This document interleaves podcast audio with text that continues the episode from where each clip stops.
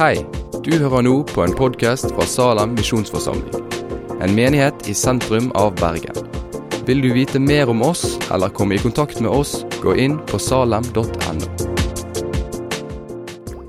Nå skal vi høre Guds ord, og til å være eh, foran Gud og være stille og bare høre hva Gud har å si til oss. Jeg eh, heter Kristian. Eh, jeg er en sånn som reiser rundt og prøver forskjellige jobber. og Denne uka så prøver jeg å være pastor. Neste uke så skal jeg være veterinær nede på Nøstet. Og så skal jeg være hjernekirurg på Haukeland etter det. Så jeg håper dere har store forventninger til dette. Jeg har aldri talt før. Eh, så jeg gleder meg til å, til å prøve Nei, sorry. Jeg tuller. Jeg har vært her i Salem i fem år. Før det fem år med teologi.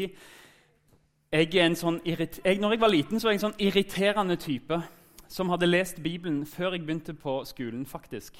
Før jeg var, begynte i første klasse, så hadde jeg lest ikke, ikke den her, men Barnebibelen. Eh, jeg var en sånn irriterende type der liksom pappa kunne si ja, det står jo om David i kongeboken. Nei, det står i krønikeboken òg, pappa. Sånn en unge var jeg. Men det betyr at jeg har lest mye i den her gjennom hele livet. Jeg skal snakke om en tekst i dag som er ganske vanskelig å forstå første gang jeg leste den, men den har hengt seg veldig opp i hjertet mitt. Og Vi skal lese fra Jeremia 2. Det er det som er teksten i dag. Det er en tale som en profet som heter Jeremia, holdt for de som bodde i Jerusalem før de ble kom, og ble, før asyrerne kom, tok de slave. Tok de som slaver i fangenskap. Så det er en tale som han har til dem før de blir slaver. Eh, og det er Jeremia 2. Vi bare starter med å be først. Herre Far, i møte med deg Jesus, så fylles mitt hjerte opp av gode ord.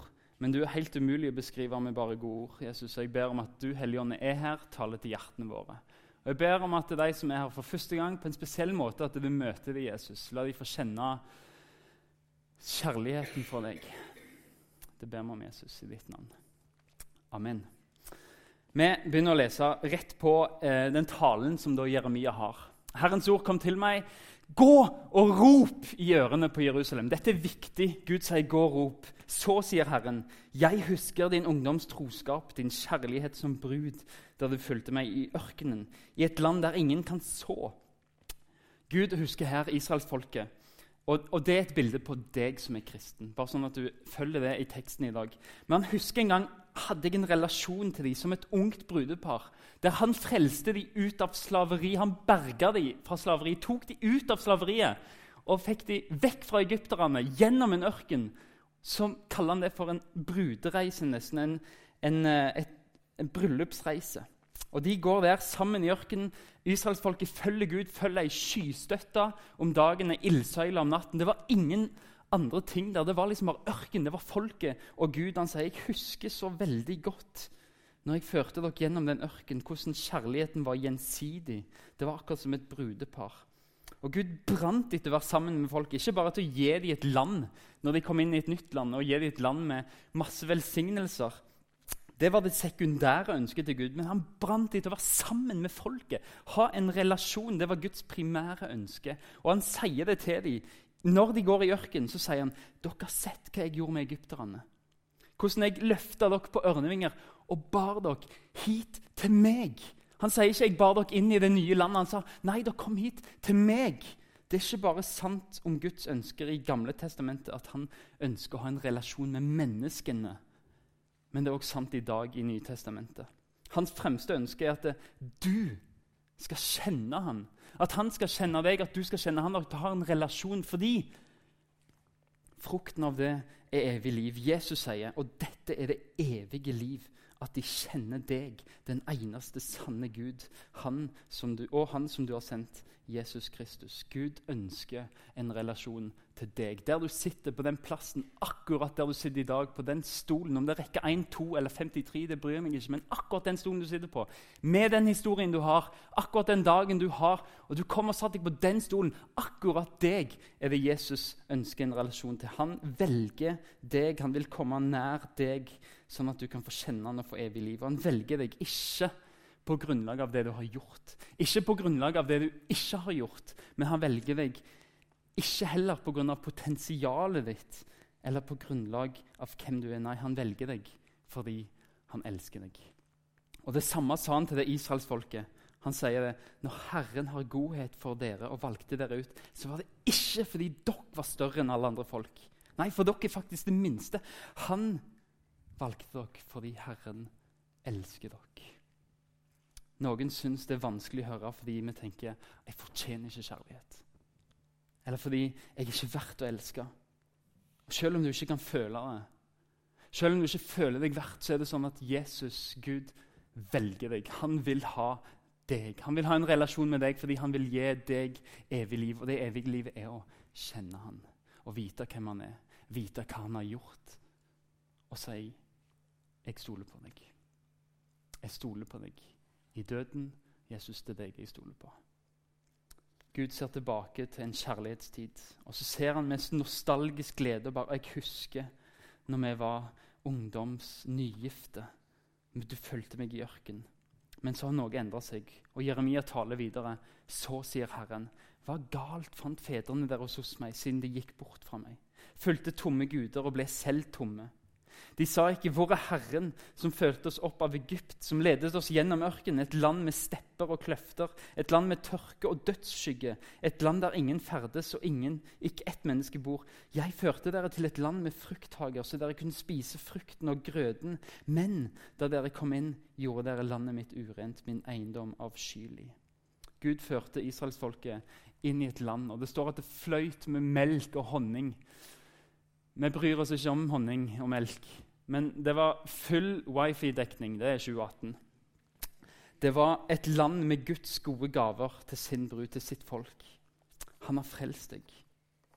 Men så sier han nå er relasjonen snudd på hodet. Plutselig er romansen over.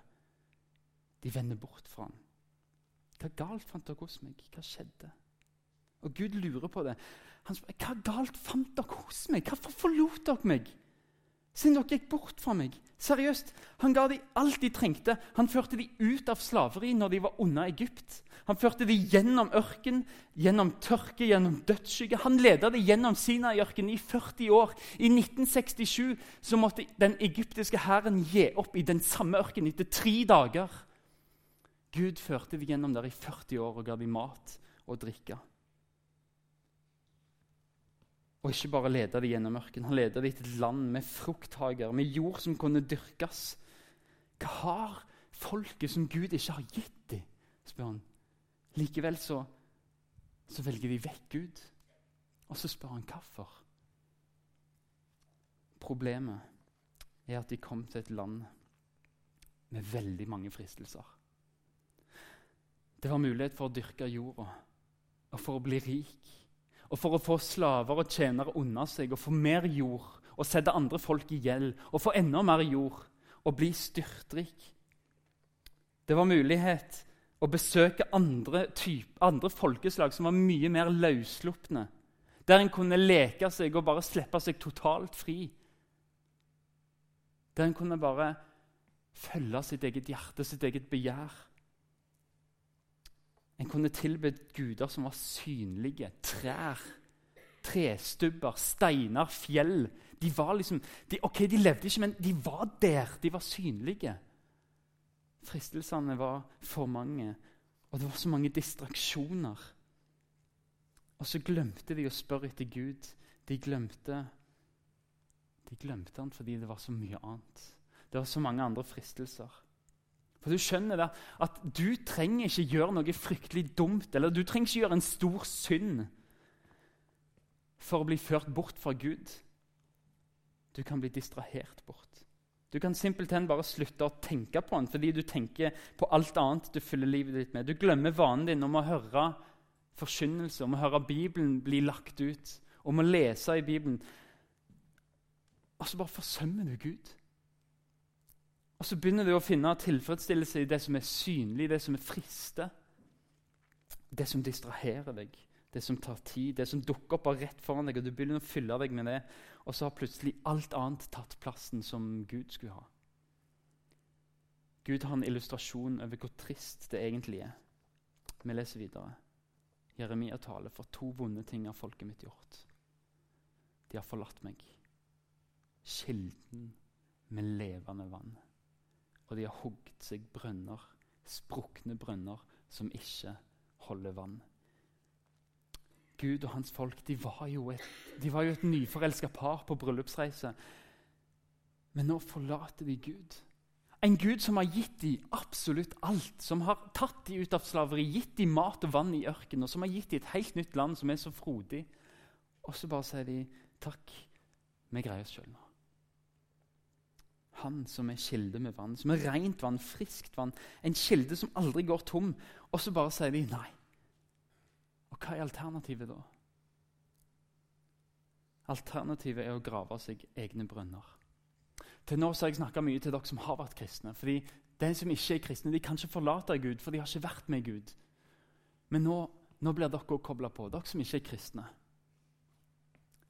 Følg med nå og ut, for nå handler det like mye om dere. Nå handler det like mye om dere. Alternativet når du velger vekk Gud, det er å grave deg egne brønner. Du prøver å finne mening med livet. Du prøver å finne helhet. Du prøver å finne anerkjennelse, fellesskap en plass. Og alle andre plasser enn Gud. For mennesket er satt sammen sånn at hvis du ikke har Gud, så er det ikke sånn at du fyller deg med ingenting. Nei, du følger deg med hva som helst. Du følger deg med hva som helst. Og Jeremia skriver om sisterne. Det er en type brønn som er et stort hull som du graver, og som du tramper hardt, og som du strør gjørma utover, nesten støyper med gjørma. Og så er det ikke sånn at vannet kommer automatisk inn der. Nei, du må gå og hente med bøtta eller samle regnveien nede i sisternen, hente mer, og nedi der. Det kommer ikke av seg sjøl, vannet. Du må fylle det opp. Du må samle regnvannet. Og når du tar ei bøtte, så må du tar ei bøtte fra den sisternen for å lage mat, for å drikke, så må du senere en annen gang fylle på med ei ny bøtte for at det skal være like mye vann. Det kommer ikke automatisk. Du er sjøl kilden for det som fylles opp, og det er så slitsomt. Og disse sisternene de vil alltid lekke. Sånn er det i Israel. De sisternene som er gravd der, de lekker alltid fordi jorda er ustabil. Vannet forsvinner, og du går og fyller på og fyller på, og fyller på, men du får ikke engang bruke det fordi det bare lekker ut i jorda. Og det lille du, vannet du faktisk greier å bruke opp, det er brunt, det smaker jord, og det er fullt av insekter. Det er det bildet Jeremia bruker. Hvorfor bytter du ut en kilde med levende vann, med brønner, med skittent vann som lekker?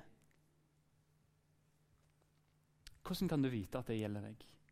Hvordan kan du vite at du graver sånne sisterner, brønner som lekker? Med tomhetsfølelsen. Hva galt fant fedrene dere hos meg, siden de gikk bort fra meg og fulgte tomme guder og ble sjøl tomme? Problemet er at det ser ikke ut som tomhet i det du bestemmer deg for å fylle livet ditt med det, hva det enn er. Det ser ut som mening, det ser ut som verdi, som stimuli, som spenning. Men til slutt så vil de innse, sånn som Jim Carrey innså I think everybody should get rich and famous and do everything they ever dreamed of so they can see that that is not the answer. Tomhet. Brønner som lekker. C.S. Lewis har skrevet en bok som heter 'Mere Christianity'. Han skriver 'God made us'. Altså, Gud lagde oss. Han fant oss på som, som en mann finner på en motor. En bil er lagd til å gå på bensin. Og den ville ikke gått skikkelig på noe annet. Nå, Gud designa menneskelige maskin til å gå på han sjøl. Han sjøl er drivstoffet i vår ånd. Det som er designa til å gå på. Det er maten for vår ånd som er designa til å få næring fra. Det er ingen annen. Det er derfor det er ikke vits i å spørre om Gud gir oss lykke på vår egen måte uten å bry oss om religion, uten å bry oss om en relasjon med Han. Gud kan ikke gi oss lykke og fred uten å gi seg sjøl, fordi det er ikke der. Uten Gud så er det ikke lykke, er det ikke fred. Salmen Salmen i Bibelen sier noe av det samme. Salme 3. Hvor dyrebar er din kjærlighet, Gud? I skyggen av dine vinger så søker menneskebarn og ly. De får nyte overfloden i ditt hus. Du lar de drikke av din gledes spekk, for hos deg er livets kilde. I ditt lys ser vi lys. Og Salme 4. Mange sier, 'Hvem kan gi oss lykke?' La lyset for ditt ansikt skinne over oss, Herre. Du gir meg større glede i hjertet enn andre får av korn og vin i overflod. Dette er David som skriver, som har gått med Gud i hele sitt liv. Så sier han Gud, det er ingenting annet som kan gi meg lykke. Ikke engang all min rikdom. Kjenner du at det er noe i deg som lengter etter det? Du er nemlig skapt til det. Du er skapt til en relasjon med Gud. Og du vil ikke få fred i hjertet ditt før du er i en relasjon med Gud. For han er den du er skapt av. Han er den du er skapt til. Og den lengselen er et vitnesbyrd om at du er skapt for noe mer enn denne jorda. Fordi ingenting på denne jorda her vil kunne tilfredsstille den lengselen du kjenner etter hjertet. Du er skapt for fellesskap med Gud. Han har skapt deg til nettopp det. Og Problemet vårt er at vi leter på feil plasser. Vi graver egne brønner i stedet for å gå til kilden med det levende vannet. Vi graver egne brønner. Det kan være et bilde på mange ting i ditt liv. Penger, materialisme, sex, makt, kroppsideal, arbeid, ambisjoner, rykte, mat. Et fromt rykte, at du er en god kristen. Alt som definerer deg. Alt som gir deg mening. Alt som får deg til å handle det er din brønn. Det er din avgud. I seg sjøl kan noen av disse tingene være bra for oss. Men det kan bli en så kraftig makt i våre liv og bli en Gud som former oss til å gjøre ting som ikke er bra for oss, som ikke er bra for vår neste. De vil ødelegge din samvittighet og dine relasjoner til andre mennesker i jag etter det. Og Fellesbetegnelsen på disse brønnene, er uansett hva det måtte være, det er at de lekker at du tørker ut. At du ikke greier å tilfredsstille din lengsel etter noe mer. Etter noe mer. Jeg tror vi alle har brønner vi graver sjøl. Brønner som ikke kommer til å hjelpe oss. Brønner som blir, vi blir totalt utslitt av å fylle opp og fylle opp og fylle opp. Og bare skal jeg aldri få helhet? Skal jeg aldri få fred? Skal jeg aldri få mening? Vi blir utslitt av å fylle dem opp med vann. Og hva skjer med oss da? Vi leser videre i Jeremias tale. Er Israel en slave som er født i hus? Hvorfor har han blitt et bytte? Dette har du sjøl ført over deg fordi du gikk bort fra Herren din Gud den tida han førte deg på veien. Og Nå stiller Jeremia et spørsmål til folket. Var dere ikke fri når, når, Gud tok dere ut av Egypt, ut av slaveriet og bare satte dere i et nytt eget land, var dere ikke fri? Hvordan i all verden er det greit å bli slaver igjen? Dere kan ikke skylde på Gud, fordi dere gikk vekk fra ham. Dere gikk inn i slaveri av ting som ikke er bra for dere, av avhengighet. Det er fullt mulig for en kristen å bli en slave av en synd. Av noe som ikke er bra for deg eller andre. Selv om du er frelst, selv om du er Guds barn, fordi du vender ryggen til Gud og du prøver å grave egne brønner. Og Når de bare lekker og lekker, og lekker, så prøver du å finne mening og tilfredsstillelse andre plasser. For når vi forlater Gud, så er det noe i sjelen vår som bare lengter etter anerkjennelse etter mening. Og så får denne lengselen uttrykk med at vi jager etter noe som kan fylle det tomrommet. Og så finner vi noe, og så varer det en kort stund som er helt fantastisk. Som får oss til å grave dypere og dypere, fylle på mer vann, og så innser vi at nei, det lekker her òg. Det lekker her òg. Så snart vi tror vi har funnet glede og mening, så begynner brønnen å lekke. Og jaget etter å bli anerkjent, jaget etter å finne stimuli i noe er så stort at vi bare fortsetter å grave brønner Sånn at vi kommer inn i en avhengighetssirkel. Vi blir slitne, og det tærer på oss. Og så kan vi si ja, OK, greit. Jeg hører hva du sier, og det snakker inn i livet mitt. Jeg skal skjerpe meg. Jeg skal virkelig ta meg sammen. Jeg skal prøve alt jeg kan for å bli en god kristen. Jeg skal prøve alt jeg kan for å virkelig søke Gud og la Han få være kilden i livet mitt. Det er bare ett problem. Jeremia visste at du kom til å si det. Gud visste at du kom til å si det. Og så følger Gud opp med å si om du vasker deg med lut, om du sløser med såpe, så er din skyld like skitten for meg, sier Herren Gud. Hvordan kan du si 'jeg blir ikke urein'? Jeg har ikke fulgt balgudene, som er avguder. Se hvor du gikk ned i dalen. Forstå hva du har gjort. En rask kamelhoppe som renner hit og dit. Et villesel som kjenner ørkenen, som snapper etter pusten i brunst. Hvem kan holde hun tilbake? Den som leter etter hun sliter seg ikke ut i paringstida, finner de hun lett. Gå ikke barføtt. Spar strupen din for tørst. Men som du sier, det nytter ikke. Jeg elsker de fremmede. Jeg vil gå etter dem. Jeg skal forklare den avsnittet der, for det kan være litt vanskelig å skjønne. Men vi kan prøve å skjerpe oss. Vi kan prøve å grave dypere brønner. Kanskje blir det mer mening andre plasser. Fromme brønner, eller kristne brønner til og med. og Som kristent utseende om hvor fantastisk kristne vi er. Og tenke at det skal berge oss. Men Gud sier det hjelper ikke. Han sier du kan finne fram luten, det sterkeste vaskemiddelet vi har. Han sier du kan sløse med såpe. Og så sier han, vet du hva? Det hjelper ikke. Din skyld er fremdeles like skitten. Jeg ser tvers igjennom deg. Og Hvorfor vil det ikke hjelpe? Fordi innerst inne i hjertet ditt så vil du egentlig følge dine egne veier. Innerst inne så er vi egoister som bare vil stå for oss sjøl. Vi vil bare greie oss sjøl. Vi vil ha det best mulig. Gud sammenligner folket med en kamel og en, et esel som er i brunst. Gud bruker ganske kraftige ord for å nå inn til deg her. Han sier at vi er som kamel og en esel i brunst. Og det som skjer da er at eh, Hannesler de trenger ikke lete etter huesler i ørkenen. De kommer fordi de er klare. Fordi de vil. De kommer springende. Og Sånn er det med mennesker og synden òg. Vi, vi, bare leter etter det. Fordi vi egentlig ønsker vi å tilfredsstille vårt eget begjær, vår egen egoisme. Vi vil synd fordi vi er syndere. Vi lengter etter å prøve å fylle livet vårt opp med det vi tror gir mening. Og Jeremia bruker faktisk seksuelle bilder når han snakker om synd. Når han snakker om ting som ikke er bra for oss, for andre. Fordi han vet at de driftene som ligger i oss når det kommer til seksualiteten, det begjæret som ligger i oss, og den tiltrekningen vi har til folk vi er opptatt av, det begjæret ligger sterkt i oss som trangen etter å fylle livet vårt med andre skal, no, livet vårt med noe annet som skal ta Gud plass. Du trenger ikke lete etter noe i sjelen din hvis du prøver å fylle den lengselen med alt annet enn Gud. Det er å løpe sånn at du sliter ut sandalene dine, sier Jeremia.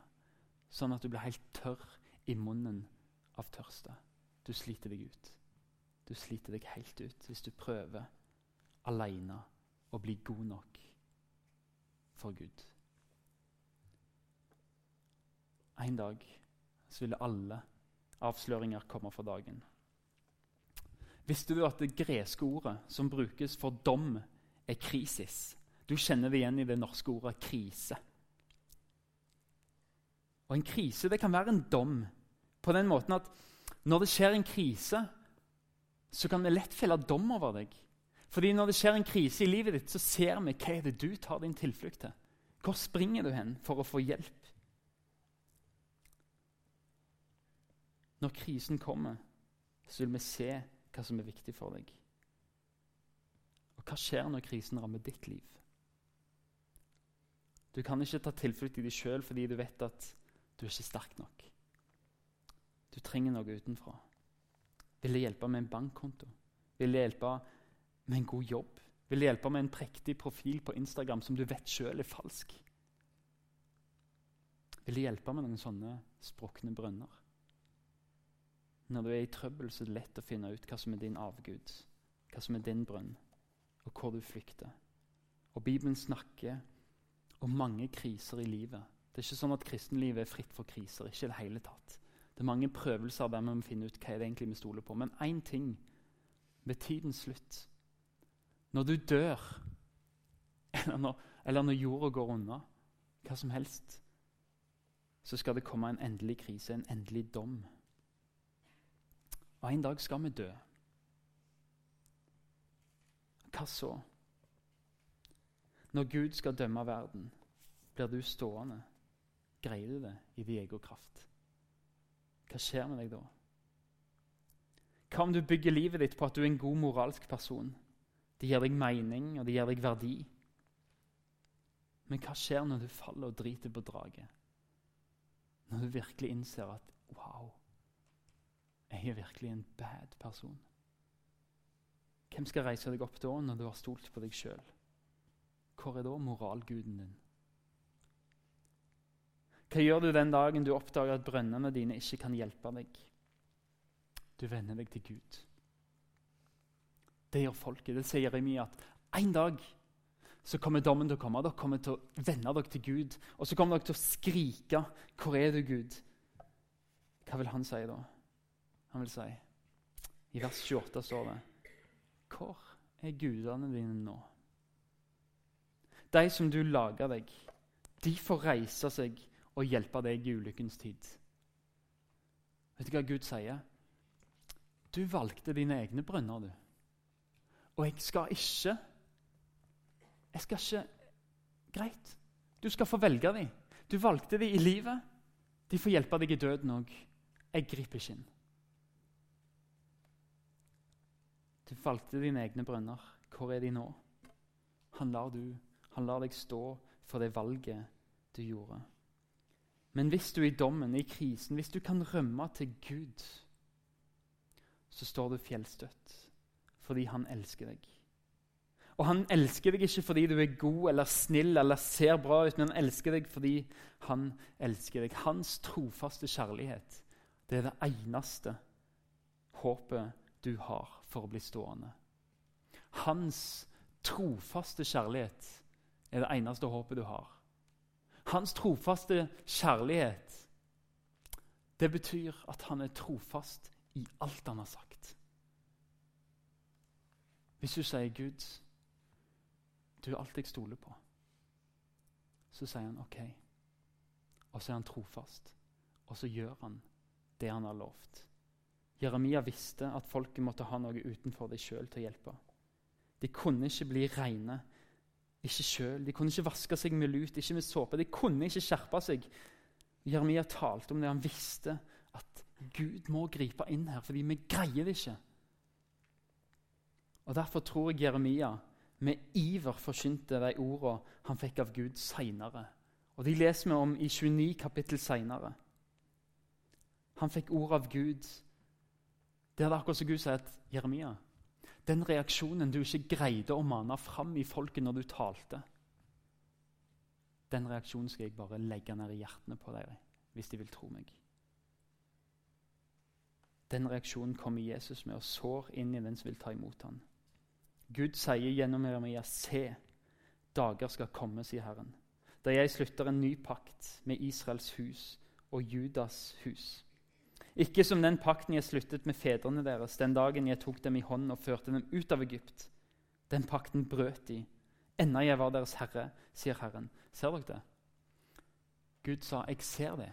At når jeg tok de ut av Egypt, førte de gjennom mørken inn i et nytt land og sa, 'Her skal vi leve sammen. Du skal være hellig.' Så sa Gud, 'Jeg ser at de ikke greide det. De makta det ikke.' Det skal ikke være en sånn pakt jeg kommer med nå. Men nå sier Gud i vers 33. Dette er pakten som jeg vil slutte med Israels hus i dager som kommer, sier Herren. Jeg legger min lov i deres sinn og skriver den i deres hjerte. Jeg skal være deres Gud, og de skal være mitt folk.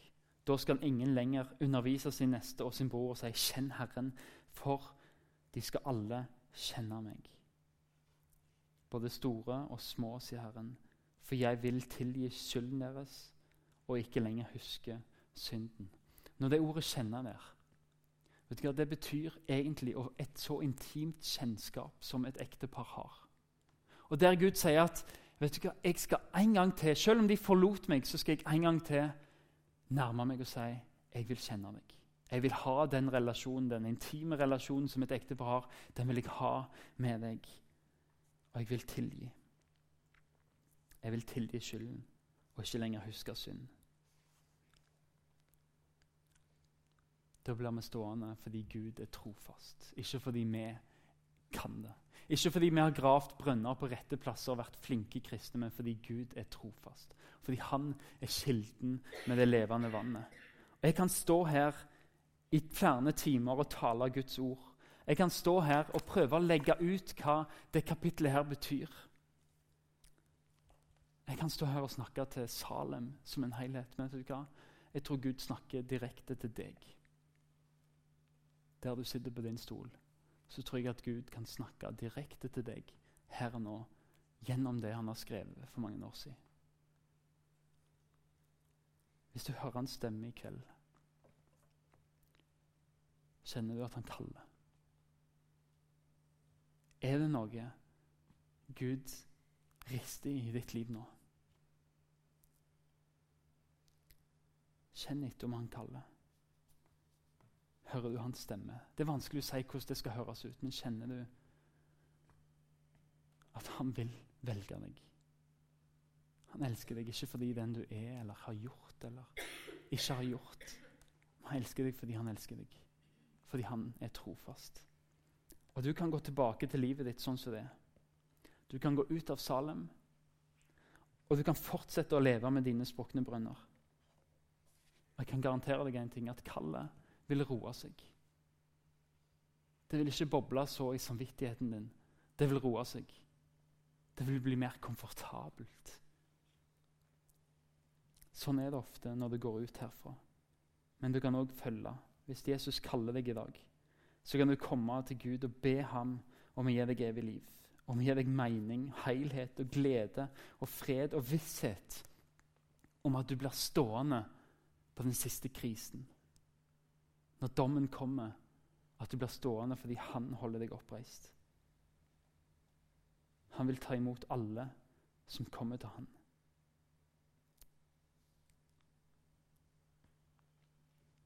Og Nå vil jeg du skal tenke Hvis jeg sitter her i kveld Hvis jeg tror at Bibelen er Guds ord, at den virkelig sier noe til mennesker fra Gud, så isoler deg sjøl fra alle andre. Bare vær med deg sjøl nå. Så tenker du hvis det som står i Bibelen, hvis det som er blitt sagt i talen nå, virkelig er sant, så er det ingenting annet som gjelder. Det er ingenting annet som betyr noe her og nå enn å bli møtt av Gud og la Han få være kilden som veller fram i deg, og som gir evig liv.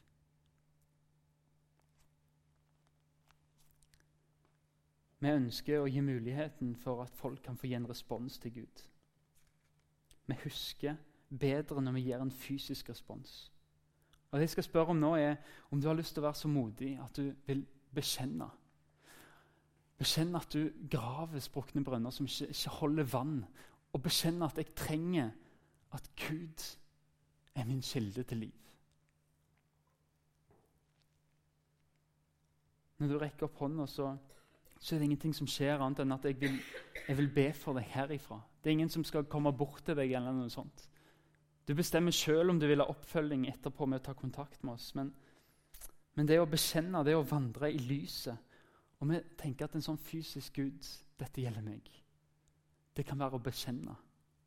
Det kan være å vandre i lyset og vise at Jesus, jeg trenger, jeg trenger tilgivelse. Og I 1. Johannes brev så står det men dersom vi vandrer i lyset, slik han selv er i lyset, da har vi fellesskap med andre. Og blodet fra Jesus, hans sønn, renser oss for all synd. Det betyr Når blodet renser oss for synd, så betyr det at når Jesus døde, og hans blod rant på korset, så rant det for deg. Han tok den straffen som du skal ha.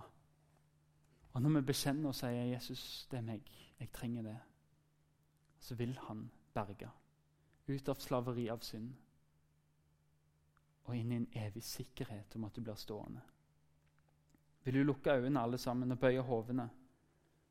Og så vil jeg telle til tre. Hvis du tenker at dette gjelder deg, så skal du få bekjenne med å ta en hånd opp i været. Det trenger ikke være lenger enn et halvt sekund engang. Men la det få være mellom deg og Gud. Ingen andre ser det.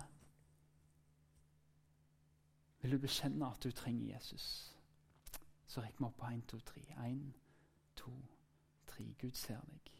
Gud ser dere. Gud ser dere. Gud er kilden som veller fram med det evige livet. Gud ser, og han vet hva dere trenger. Gud kan gjerne be med meg, spesielt dere som rakk opp hånda. Gud, du snakker sant om meg. Jeg er desperat etter noe mer enn det jeg kan finne sjøl. Jeg finner ikke fred, jeg finner ikke mening, jeg finner ikke helhet. Men takk for at du vil elske meg, og at du vil ha med meg å gjøre. Takk for at du døde for mine synder. Du døde i stedet for meg, sånn at jeg kan ha fellesskap med deg. Jeg ønsker å være din, og bare din. Frels meg fra tomheten i min synd. Frels meg fra dommen som kommer, og gjør meg til din. Gi meg evig liv, Gud. Amen.